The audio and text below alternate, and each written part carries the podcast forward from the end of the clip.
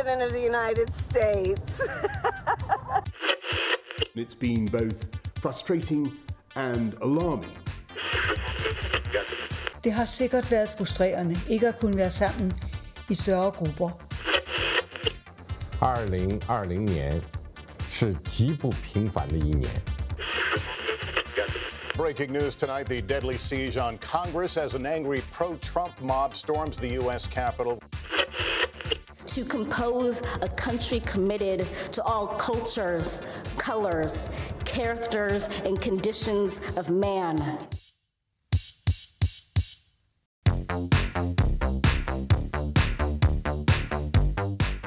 Góðan dag, kæru hlustendur, þeir eru að hlusta á heimskviður. Ég heiti Guðmundur Björn Þorbjörnsson.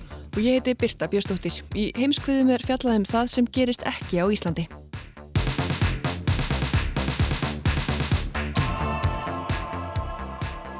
Við höldum áfram svæðisbundinu umfjöllunni heimskviðum í síðasta þætti fjölluðum nágrannaríkin Myanmar og Bangladesh. Í þættinum í dag ætlum við að velja í Östur-Evrópu. Já, og ætlum þaðan að fjallaðum jafn ólíka hluti og kjarnorku annars vegar og svo ofsóknir gegn samkynniðum hins vegar. Já, síðar í þættinum ætlar Hallgrimur Indriðarsson að segja okkur frá nýju kjarnorkuveri sem hóf starfsemi í Kvítarúslandi í november. Í ljósi sögunar eru nágrannar þeirra ekki sérlega hamingisamir með uppbygginguna, ekki síst vegna þess að Ímis óhöpp hafa komið upp við uppbygginguna. Já, það verður áhugavert, við heyrum meðum það á eftir en við ætlum að byrja í tjettinju. Og það er vegna mál sem rataði fréttinar í vikunni, mál tveggja tjettjanskra karlmana sem þú, Guðmundur Björn, hefur kynntir.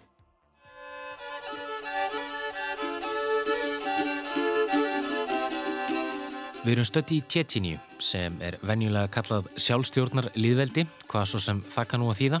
Tjettíníu er allavega landsfæði í norður hluta Kákasusfjalla í Rúslandi. Sem sagt, Tjettíníu er í Rúslandi. Það er ríki í augum Tjettína en ekki í augum Pútins fórseta. Allt frá raunni Sovjetríkjana hafa Tjettínar staðið í sjálfstæðisbaróttu, oft á tíðum blóðugri við stóra bróður í norðri. Við víkjum að því nánar á eftir. Það eitt og sér er saga út af fyrir sig. Tétjinar líta ekki á sig sem rúsa, kynþáttur, trúabröð, saga, menning, nefndu það. Þetta er ólíkt.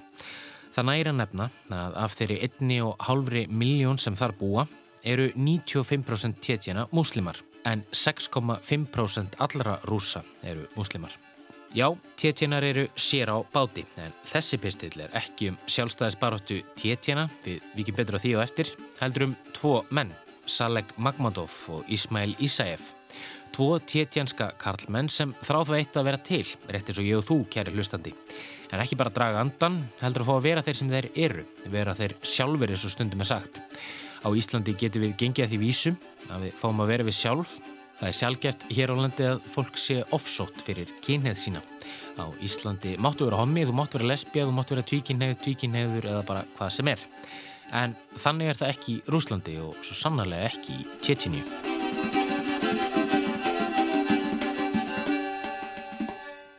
Sagan af þeim Magmadov og Ísæf hófst síðasta sömar í júnimániði. Þá höfðu þeir flúið heimaland sitt. Nokkrum mikum áður höfðu þeir verið handteknir sögum þess að þeir ráku spjallarás á samskiptamillinum Telegram hvar þeir gaggríndu heimastjórnina í Tjetjiníu. Þeir eru ekki aðeins handteknir heldur sættu þeir pyntingum Myndbönd af pyntingum þeirra komist í dreifingu í Rúslandi og þar sést Magmadov meðal annars stara í myndavélina og segja að þér veriðist tilneittur. Ég er ekki maður, ég er tómið eitt. Og Ísæf starir sömulegðis í myndavélina og byrst fyrirgefningar á því að hafa hagað sér, eins og hann orðar það, á ókarlmannlegan máta. Magmadov er 20 ára gammal, Ísæf er 17 ára gammal. Manst þú hvað þú varst að bralla á þessum bestu árum lífstíns? Gleð þig í esku þinni ungi maður, segir í predikarnum. Sjaldan ef aldrei hafa þau orð áttjafn illa við. Og því skildi engan undra að um leið og þeir voru lausir úr haldi heldur þeir á brott. Þeir flýðu Tjetjiníu. En þeir komist ekki langt. Nýlega bárust fregnir af því að landstjórnin í Tjetjiníu hefði hafið rannsókn á flótta þeirra Magmadov og Ísæf. Og þeir voru ekki lengur aðeins sagaður um að gaggrýna heimastjórnina heldur að lísta eftir þeim sem hriðjverkamönnum á flótta, hvorki meirinni minna. Þeir voru eftirlýstir hriðjverkamenn sem flúið höfðu land.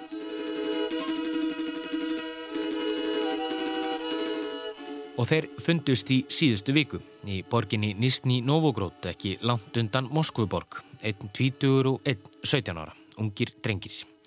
Líklega hefðu við aldrei heyrt sögu þeirra tveggja ef ekki verið fyrir samtök sem berjast fyrir réttindum samkynneðra í Rúslandi. Það voru þau sem greindu frá handtökunni í Nýsni Novogrót. Magmadov sá eldri, tóks nefnilega ringja í neyðarlínu samtakana daginn örlaríka áður en hann var tekin höndum. Í bakgrunni heyrist Ísæf öskra í þann mynd sem hann er yfirböður.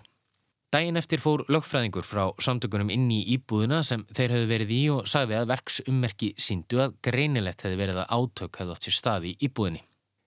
Degi síðar voru þeir Magmadov og Ísæf komnir til Tjetjeni í fangilsi mörg hundruð kílometra frá Nýstni Novograd. Þeir fengi ekki að tala við lögfræðing og þeir vissu ekki af hverju þeir voru handegnir. Eða þeir vissu það alveg, þeim var bara aldrei sagt það. Samtökinn sem berjast fyrir réttindum samkynnaðra í Rúslandi hafa gefið út yfirlýsingu þess efnis að líf tvímenningana sé hættu. Þar sem sagan hafi sínt svart á kvítu að samkynniðir tétjenar hafi ítrekkað síðust ár verið handteknir í Rúslandi og fluttir heim til tétjeníu þar sem þeir hafi einfallega svo horfið af yfirborði jarðar. En þessi saga er önnur í tétjenskum fjölmjölum. Þar segir vissulega að tveir menn hafi verið teknir höndum vegna þess að þeir hafi verið grunaður um hriðiverkastarðsemi. Já, þið eruðu rétt, hriðiverkastarðsemi. Ahmed Dudayev, einn nánasti samstagsmaður leiðtóða Tjetjeníu, Ramzan Kadyrov, hefur tjáð sig um málið. Hann sæði í samtalið við rúsneska fjölmila þegar Magmadov og Ísaev hefði verið grunaður um aðvild að hriðiverkasamtökum. Og það sem meira er þeir hafi játa það og gæti átt yfir höfði sér alltaf 15 ára fangilsistóm. Dudayev segir atbyrðarásina, það er handtökuna og það allt saman, með öllu samkvæmt lögum og það væri fólki tilgangslöst að reyfa við mótbárum væri þar einhverjar. Samtökinn sem berjast fyrir réttindum hins einn fólks í Rúslandi hafa undanfarið reynd hvað þau geta til að aðstóða samkynnefa tétjena í að losna undan ofríki ofbeldis og nýðurlægingar í heimalandinu. Síðustu misseri hafa alls 200 samkynneðir tétjenar notið aðstóðar samtakana en eins og dæminn sína þá dugar það skamt. Kadirov leðtói tétjeníu hefur lagt línuna. Það eru engir samkynneðir í tétjeníu. Þeir Magmadov og Ísæf sitja í fangaklefa einhver staðar í Tjetjini, í heimalandi, landinu sem þeir vilja búa í, en líka landinu sem vil ekki að þeir fá að vera þeir sjálfur. Þeir eru homar og það má ekki.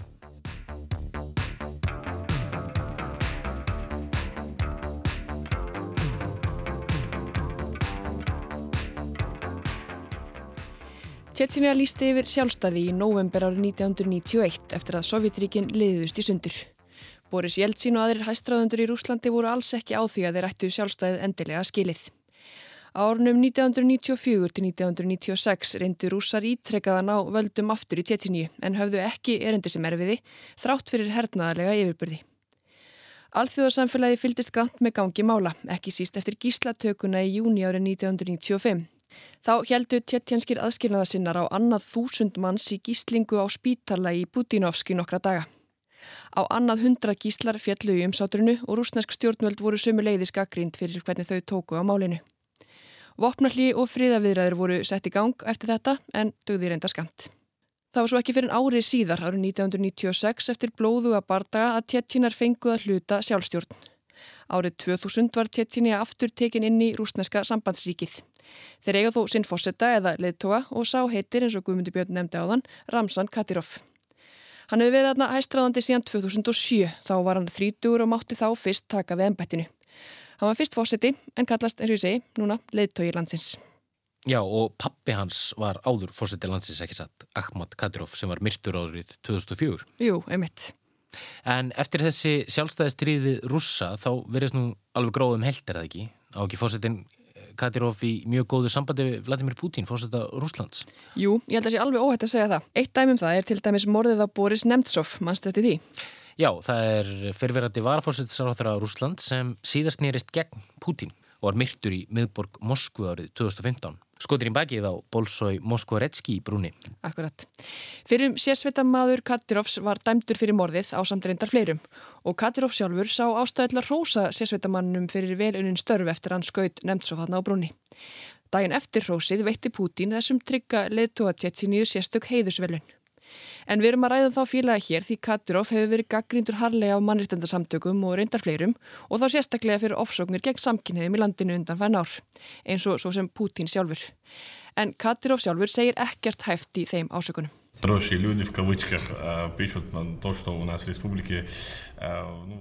Þarna segir hann semst að það sé góða fólkið sem haldi þessum rópurði á lofti, að það sé verða handtaka og drepa fólk í landinu. Svo segir hann að þetta góða fólk hafi til dæmis verið að tala um einhvern mann sem yfirvöld átt að hafa stútað en sá væri sprellifandi. Góða fólki maður. Já, það er greinilega við það. En eins og ég segi, fórstittin vil ekkit kannast við þetta sé eitthvað vandamál. Í Tjetsinju búa 1,3 miljónir manna og ef eitthvað er að marka þennan ágæta fórstita, þá er enginn þeirra samkynniður. Emitt eins og við sjáum með þá félaga Magmadov og Ísæf. Já, emitt.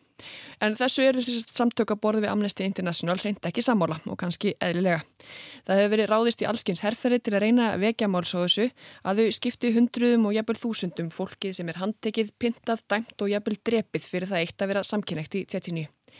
Það er mjög erfitt að rannsaka þessi mál, aðgengjað upplýsingum er ekki gott og þegar liðtói landsins er á þessari vegferð er enn erfiðar að fá heildarmyndina. En rannsóknir mannúðasamtaka og frásagnir þeirra sem flúið hafa frá Tjettíniu eru meðal þess sem hægt er að steyðast við og það eru ekki fallegar frásagnir. Það er svona eins og þetta kom í bylgjum aðgerðir stjórnvalda. Þessi farið í svona rassýr og fjöldi fólks handekinn hverju sinni. Frásagnir af pyntingum eru mjög margar og ófá dæmi þess að fólk hafi reynlega dáið við slíkar aðstæðir. Allskins trúar aðtapnir til að lækna samkynneður í sömu leiðis vinsalar. Það er eiginlega bara engin leið til að ímynda sér það að vera í þessum aðstæðum. Það er að segja að vera samkynneið og stjórnuldi landininu vilja reynlega ekki að þú sér til.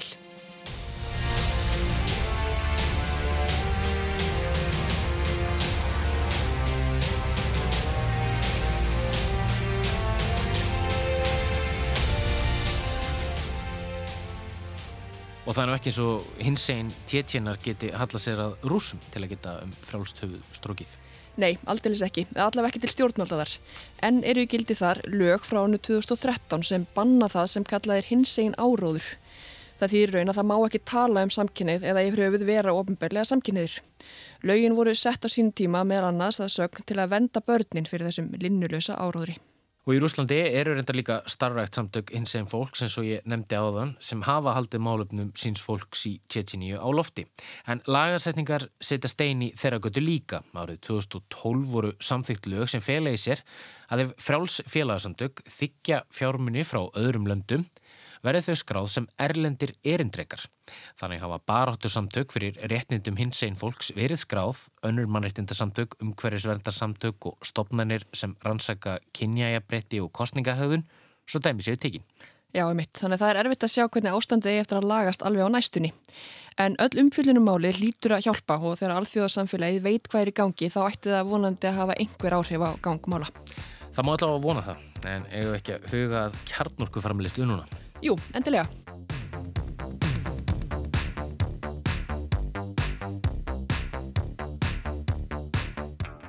Kjarnorkuver hóf starfsemi í Kvítarúslandi í nóvember og því valin staður örstutt frá Vilnius, höfuborg Litáin. Stjórnvöld þar og Evrópusambandið hafa áhyggjur af kjarnorkuver sér reist á þessum stað og ekki bætur og skák að óhöpp bæði við framkvæmdir og framleiðslu hafa verið bísna tíð. Þetta hefur valdið áhyggjum að því að slís geti átt sér stað en þau hafa afdrífaríkar afleðingar þegar þau eigi sér stað í kjarnorkuverum eins og dæmin sanna. Hallgrimur Indriðarsson tekur nú við. Nágrannalöndin Litáin og Kvítarúsland hafa eld grátt silfur saman í allan vetur eða frá því fósettakostningarnar í Kvítarúslandi í ágúst urðu til þess að mótframbjóðandi fósettans Aleksandrs Lukashenko, Svetlana Tsíkanovskaja, varð að flýja til Litáin og hefur hún verið þar í pólitísku skjóli. En ágreiningsefnin millir þessara landa eru fleiri og þó að það sem hér er til umfjöllunar hljómi kannski smátt í sniðum eða við það sem gengið hefur ávegna fósettakostningana í Kvítarúslandi, er málið komið á borð Evrópuþingsins og er dæmi um hvernig gjörð einslands getur haft áhrif á annað land án þess að yfirvöld þess hafi nokkuð um það að segja. Kvítrúsar hafa nú um nokkur ára skeið unnið að byggingu kjarnorkuvers í Astravjets í Grotnóhjeraði. Þetta skýtu kannski skökku við í huga margra á meðan mörgum kjarnorkuverum hefur verið lokað undan farin ár. Sérstaklega eftir hið skelvilega kjarnorkuslis í Tjernobyl í Úkrænu árið 1986. Það slis er talið hafa orðið tögum þúsunda að aldur tila á laungum tíma og gert stór svæði óbyggileg meðal annars hluta Kvítarúslands.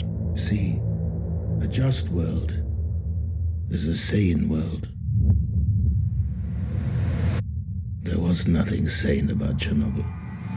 Ekkert kjarnorkuver hefur verið starfrækt í Kvítarúslandi. Alexander Lukashenko, fósetti Kvítarúslands, tók í upphafi aldarinnar uppeyju í orkumálastefnu sinni.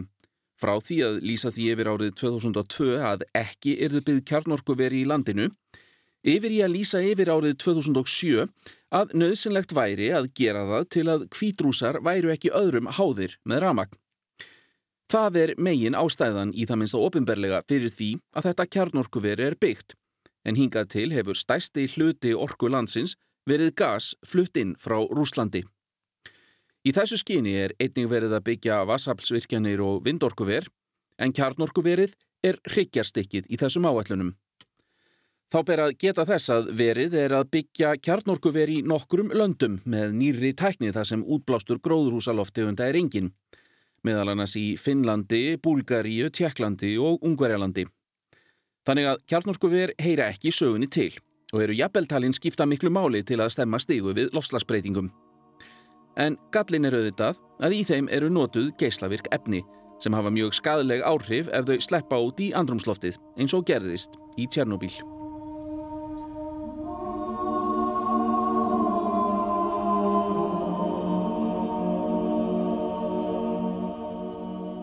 En í Kvítarúslandi hefur stuðningur við kjarnorku farið vaksandi ef markam á könnun orkumálaráðunitis landsins eða úr 28% 2005 í 53% 2012.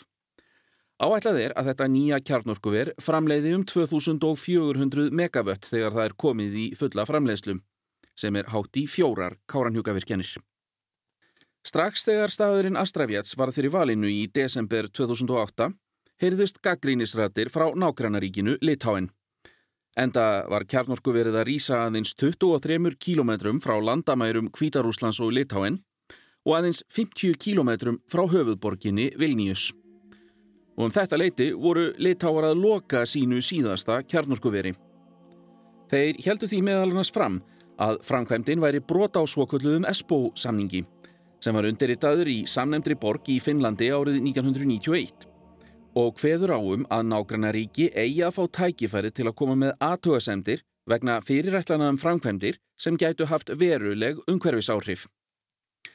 Kvítrúsar höfnuðu þessum rökum og heldu undirbúningi ótröðir áfram. Framkvæmdir hófust árið 2012 eftir nokkurt undirbúning og þá hafði meðal annars verið samiðum að það er því að mestu fjármagnað með lánsfjö frá Rúslandi. Það er eitt af fjölmörgu sem litáar hafa gaggrínt, meðal annars í myndskeiði sem auðanríkisáðuniti landsins létt gera. Russia has provided Belarus with a loan of 10 billion US dollars to construct the plant. The whole chain of engineering and project implementation, including producing, refining and supply, is in the hands of Rosatom. This affair does not glow with independence. Þarna er bent á að rússar hafi lánað 10 miljardar dollara, jafnverði 1300 miljardar íslenskra króna, til að framkvæma verkið. Öll byggingin og framleiðsluferlið sé í höndum rúsneska verktakans Rosatom. Þetta ber ekki með sér sérstakt sjálfstæði og er þá átt við ramagsframleiðsluna sem kvítrúsar ætla að vera sjálfbærir í. En fleiri þjóðir gaggríndu þessar áætlanir og svo fór að aðelda þjóðir SBO samningsins funduðu um málið 2014.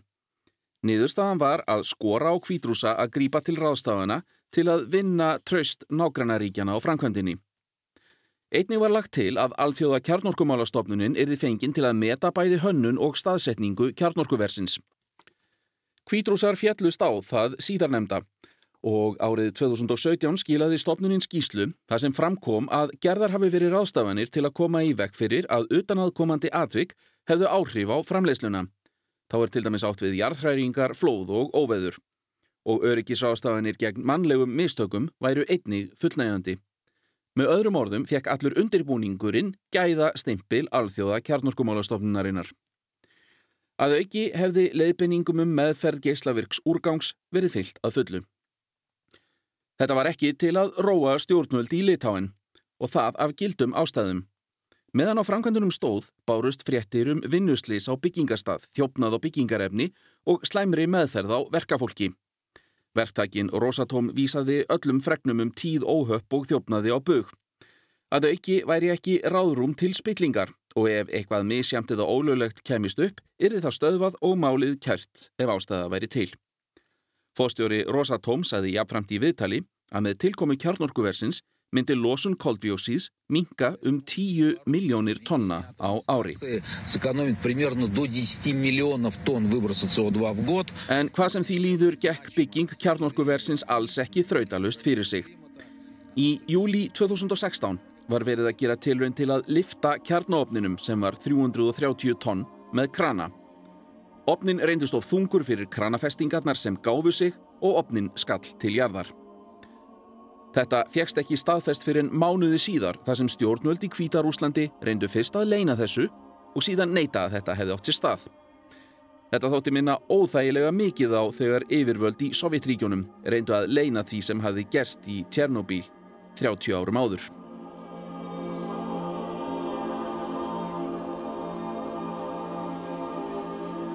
Síðan fullirti Rosatom fyrirtækið að opnin sjálfur hefði ekki skemst við þetta en honum var engu að síður skipt út að kröfu stjórnvalda.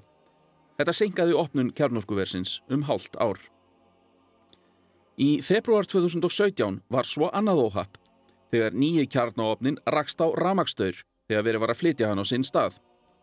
Slíkt hefði getað orsakað ramagströflanir sem hefðu dreyið verulega úr öryggi opsins. En engar slíkar aðtúanir voru gerðar og opninum var komið fyrir á sínum stað tveimur mánuðum síðar. Kjarnorkuverið hóf ramarsframleiðslu 8. november síðastliðin en prófanir höfðu þá staðið yfir í tæft ár. Það var opnað með viðhöfn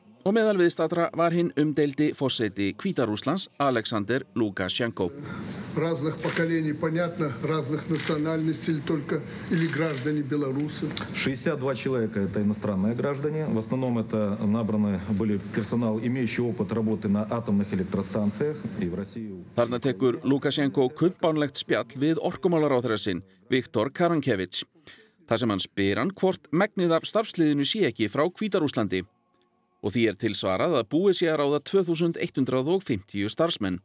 62 þeirra séu frá Úkrænu og Rúslandi, allir hinnir frá Kvítarúslandi. Þremur dögum eftir opnunina þurfti að stöðva framleiðsluna vegna bilunar sem að sögn fjölmiðla orsakaðist af því að sprenging varði spennubreitum í verinu. Litáisk stjórnvöld segjast sannfærðum að öryggisreglur séu brotnar í kjarnorkuverinu og nú hefur verið þrýst á kvítrúsa að leifa európskum sérfræðingum að skoða aðstæður. Þetta stóð reyndar til í desember en hætt var við heimsók þeirra þegar fulltrúar stjórnmalda mættu ekki á undirbúningsfund fyrir þá heimsók. Og skakkaföllin hafa haldið áfram. Um miðjan janúar þurfti líka að hætta framleiðslu í orkuverinu þegar bilun í kjarnáopninum var til þess að ræsa þurfti sérstakt öryggiskerfi kjarnorkuversins.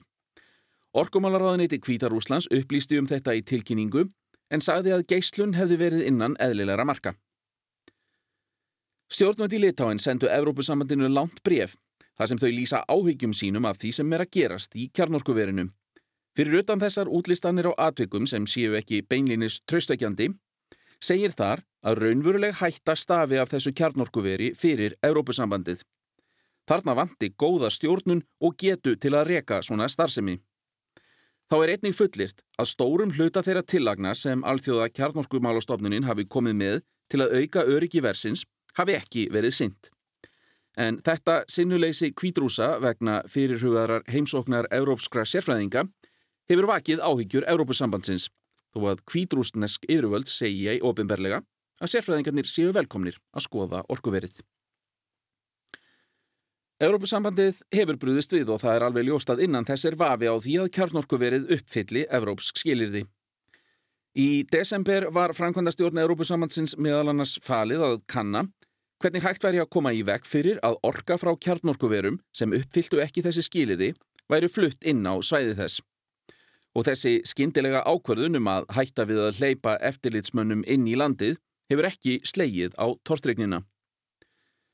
Stjórnundi Litáin hafa sett það í lög að bannað verði að flytja orku frá þessu kjarnorkuveri inn í landið og nágranna löndin Ísland og Lettland hafa gert það sama þeim til stuðnings. Þetta er kannski framald af því sem þegar hefur verið byrjað á í þessum löndum. Frá sovjettímanum hafa Eistrasaltlöndin, Kvítarúsland og Rúsland í raun tilhert sama orkusvæði og verið með sameinlegt raflínukerfi. Eistrasaltlöndin tilkynntu hins vegar árið 2018 fyrir ætlanir sínar um að tengja sitt dreifikerfi við kerfi Európusambandsins í staðin. En það gerist ekki fyrir ný fyrsta lægi eftir fjögur ár. Að auki hafa stjórnvöld í leitáin dreift frít jóðtöflum til þeirra sem búa næst landamærunum að Kvítarúslandi. En jóð getur dreigið úr söpnun geislavirkra efna í skjaldkirtli ef eitthvað fer úrskeiðis í kjarnorkuverinu. Evrópu þingið tók svo málið fyrir á fymtudaginn og þar mætti meðal annars Katri Simpson, orkumálastjóri Evrópusambandsins. Um, spare any efforts to avoid any risks for our citizens from this project. Hún sagði að Evrópusambandið myndi gera allt til að koma í vekk fyrir þá hættu sem stafað gæti af verkefninu fyrir ríkisborgara sambandsins. Þá væri unnið að því að banna kaup á rafmagni frá ríkjum utan sambandsins ef orkuverið uppfylti ekki öryggistala þess. Európuþingið samþykti svo með yfirgnæfandi meiri hluta að fela framkvæmda stjórn Európusambandsins að fara í viðræður við stjórnvöldi í Kvítarúslandi um stöðvun á framleiðslu frá orkuverinu þanga til búið væri að fá fullvissu fyrir því að öllum öryggisreglum væri fyllt. Það verður hins vegar að koma í ljós hvernig það gengur hjá framkvæmda stjórninni að fá að senda sitt fólk til að skoða kjarnorkuverið. Hvað kemur í ljós ef sérfræðingar fá að skoða það og hvernig bregst Európusambandið við ef þeim er ekki hleyft þangað inn. Það er erfitt að spá fyrir um framaldið en það er ekki útlitt fyrir annað en að þetta kjarnorkuvir eigi eftir að vera bitbein í einhverja mánuði, jafnvel lengur.